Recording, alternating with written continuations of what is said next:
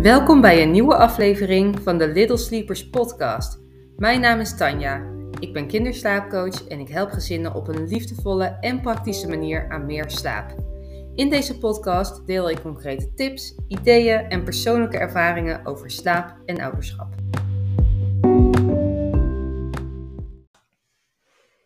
Hey, welkom bij deze podcast over de perfecte dutjestijden voor je baby. En ik ga maar lekker met de deur in huis vallen. Er bestaan geen perfecte dutjestijden. Als dat zo zou zijn, dan zouden die overal verkocht worden en had iedereen exact dezelfde tijd voor zijn baby. En dan sliepen alle baby's helemaal perfect. Oh, wat een heerlijke wereld, lijkt me dat. Hè? Oh, het zou echt fantastisch zijn. Heb ik alleen geen werk meer, maar hey, dat terzijde. Goed, als je het hebt over dutjestijden voor baby's, dan zijn daar een beetje drie soorten stromingen in. De eerste stroming is een beetje natuurlijk ouderschaphoek. Uh, die werken niet per se met tijden en allemaal dat soort dingen. Die zijn gewoon van het lekker heel de dag dragen, kijken naar de signalen van je kindje, uh, dat opvolgen en daarin een beetje go with the flow um, de dag doorgaan. Dus voeden op verzoek, slapen op verzoek. Um, en niet per se gefocust op uh, ritmes of dutjestijden. Nou, dan heb je daar denk ik de tweede stroming die heel erg gefocust is op wakkertijden. Dus hoe lang kan een kindje wakker zijn, maximaal uh, dat aanhouden, wellicht in combinatie met het kijken naar wat slaapsignalen. Um, en met name niet over die wakkertijd heen gaan. En dan heb je nog een stapje verder. Dat is mensen die echt hun kindje graag op vaste tijden laten slapen. Uh, en daarbij niet per se kijken naar de wakkertijd, maar meer zeggen: Mijn kindje gaat altijd om 9 uur en om 1 uur en om 4 uur bijvoorbeeld even slapen. Nou, geen goed of fout wat mij betreft. Ik vind het heerlijk dat er allerlei type ouders zijn. Heerlijk dat er allerlei type kinderen zijn. Niet iedereen hoeft hetzelfde te doen. Maar het is wel belangrijk om een beetje te ontdekken wat voor jou werkt. Nou, als je in kamp 1 zit, is deze podcast niet echt helemaal lekker voor je. Dan zou ik zeggen, hang hem op, kies een andere en ga vooral verder waar je lekker mee bezig bent. Uh, want als je niet de behoefte voelt om wat meer ritme in de dag te krijgen, um, dus zoals bij 2 of 3, uh, eh, wakkertijden of vaste tijden, dan zit je hier niet helemaal uh, op de juiste plek. dus voel je vrij om dan lekker een andere podcast te gaan luisteren of iets anders te gaan doen.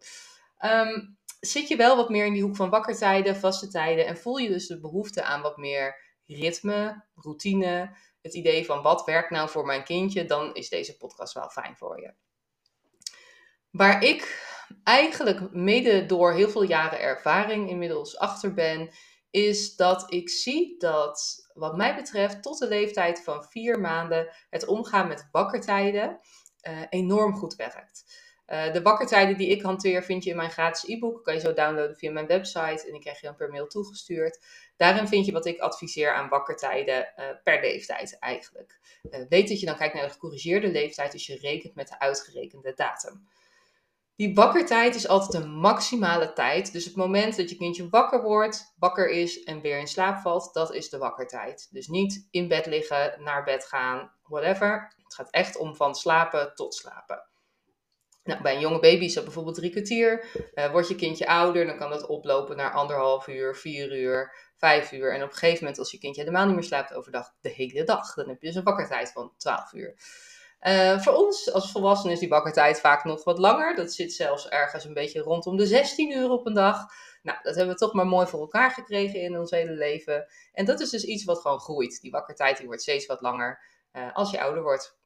Nou, vanaf de leeftijd van vier maanden zie ik vaak dat er meer structuur in de dag nodig is. En dat kan op meerdere manieren. Bijvoorbeeld een vaste tijd van opstaan, uh, een vaste lengte van dutjes aanhouden, je kindje op sommige momenten wakker maken of juist een dutje verlengen. Um, ik zie dat dan bij de meeste kinderen wat meer structuur goed gaat werken. En het hoeft nog geen strak ritme te zijn, maar eigenlijk adviseer ik dat vanaf de leeftijd van acht maanden wel. Komt ook niet op de minuut, maar dan ga je vaak over naar twee dutjes. En dan is het fijn als die iedere dag op dezelfde tijd zijn. Dat je iedere dag op dezelfde tijd met je kindje opstaat. En je kindje op dezelfde dag, uh, dezelfde tijd naar bed gaat s'avonds. Dus dat er echt bij acht maanden is wat mij betreft een beetje de streep, de grens dat je toe wil werken naar een vast ritme. Tussen de vier en de acht maanden mag dat dus nog wat flexibel zijn kan het soms bij vier maanden al hartstikke steady zijn. En soms bij acht maanden nog wat onrustig. Nou, kan je natuurlijk allerlei dingen aan doen. Um, Maar tot die vier maanden zie ik vaak dat een vast ritme echt nog heel erg lastig is. Nou, hoe bepaal je dan dus wat de juiste tijd is? Nou, dat gaat dan dus meer om de leeftijd van je kindje. Dus is je kindje nog jonger dan vier maanden, dan zou ik toewerken naar in ieder geval een vast moment en een vaste tijd om de dag te starten. En dan dus aan de hand van die wakkertijden de dag gaan indelen. Is je kindje ouder dan vier maanden, dan zou ik dus ook zeggen: kies een vaste tijd van opstaan. Liefst ergens tussen half zeven en half acht. Heeft te maken met wanneer de zon opkomt en dergelijke. Het ritme hier in Nederland met kinderopvang, et cetera, is gewoon vaak heel ideaal. Uh, en op basis van de wakkertijden, maar wellicht een beetje sturend naar vaste tijden, ga je dan de dag indelen. En hoe je kan sturen naar die vaste tijden, is bijvoorbeeld door je kindje wakker te maken. Dus maak je je kindje om 7 uur s ochtends wakker. Nou, dan heb je een wakkertijd van 2 uur. Start bijvoorbeeld uh, altijd het eerste dutje, als je kindje 6 maanden is, weer rond 9 uur s ochtends. Nou, dan kan je ervoor kiezen om dat dutje uh, drie kwartier, een uur of anderhalf uur te laten duren, of soms twee uur, of nou, net wat je leuk vindt. Maar je kan er ook voor kiezen om dat al wat stabieler te maken, door je kindje bijvoorbeeld altijd na drie kwartier of een uur wakker te maken. Er zitten voordelen aan, bijvoorbeeld dat het volgende dutje dan vaak ook weer op hetzelfde moment is. Want je hebt een definitieve eindtijd, iedere dag hetzelfde. Dan de definitieve wakkertijd die goed werkt voor jouw kindje, iedere dag grotendeels hetzelfde. En dan start het volgende dutje dus ook weer op hetzelfde moment. Zo creëer je perfecte dutjestijden. Is je kindje jonger, is dat dus veel meer op basis van die bakkertijd en dan maakt de lengte van dutjes nog niet zoveel uit. Vanaf vier maanden ben ik er wel voorstander van om dat wat meer te sturen. Ik heb ook podcasts gemaakt over waarom een langer middagdutje bijvoorbeeld zo belangrijk is. En het heeft te maken met balans op de dag. Die zijn ook heel handig om te luisteren als je dit soort dingen dus wat meer uh, wil gaan sturen. Dat helpt gewoon enorm. Dat kan een reden zijn om je kindje wakker te maken. En ook hiervoor geldt weer, hè, als je je daar niet goed bij voelt of past niet bij je, nou, dan doe je het niet. Ook helemaal oké. Belangrijk in dit hele verhaal is denk ik, ongeacht of je uh, met vaste tijden werkt of heel erg met wakkertijden, is dat je wel ook focust op de slaapsignalen van je kindje.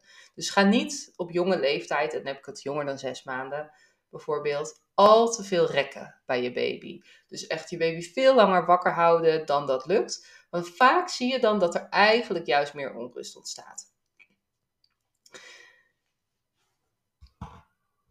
Die slaapsignalen herkennen doe je door bijvoorbeeld te kijken uh, wat gebeurt er in 10 minuten, kwartier voordat jouw kindje naar bed gaat. Bijvoorbeeld zie je je kindje staren.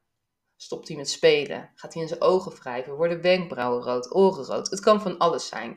Je hebt de hele duidelijke, hè, zoals gapen, jengelen, in de ogen wrijven. Maar er zijn daarvoor vaak ook al signalen te zien waaraan een kindje laat zien dat hij moe is heb ik ook een podcast over genomen. Dus zoek hem even terug. Ik weet even niet welke het is, maar uh, is zeker heel interessant om te luisteren. Want dit is echt de sleutel om voor jou de perfecte dutjestijd te vinden. Want gaat je kindje oververmoeid naar bed, is er onrust. Gaat je kindje niet moe genoeg naar bed, is er vaak ook een beetje onrust. Dus je wil die perfecte dutjestijd vinden. En dat heeft alles te maken met het combineren van die slaapsignalen met een ritme met wakkertijden of vaste tijden. En afhankelijk van die leeftijdsgrenzen, hè, vier maanden, acht maanden, kan je dus bepalen: hey, ga ik wat meer toewerken naar vaste tijden? Is dat nog niet nodig? Waar voel ik me goed bij? Nou, en zo kom je dus eigenlijk tot die perfecte ditjestijd.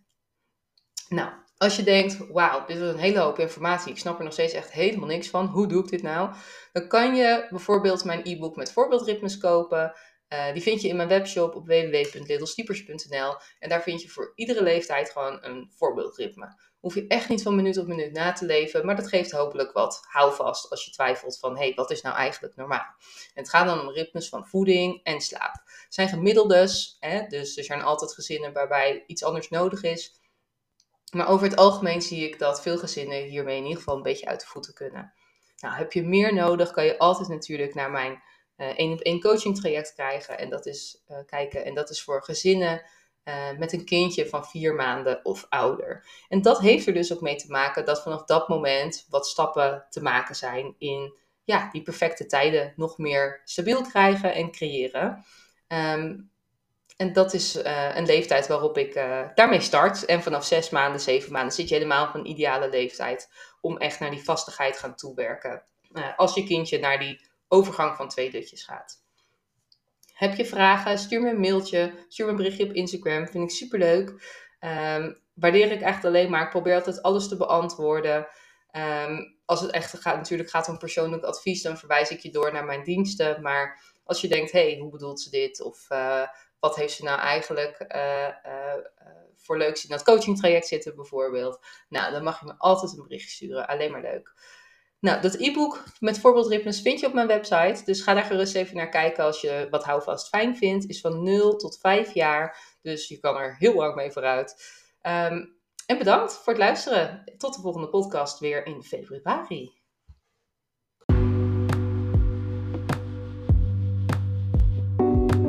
Onwijs bedankt voor het luisteren. Hopelijk heb je veel ideeën om meer rust en energie te creëren voor jouw gezin. Laat het me weten. Deel iets over deze podcast op social media of tip hem bij je vrienden. Graag tot de volgende keer bij de Little Sleepers podcast.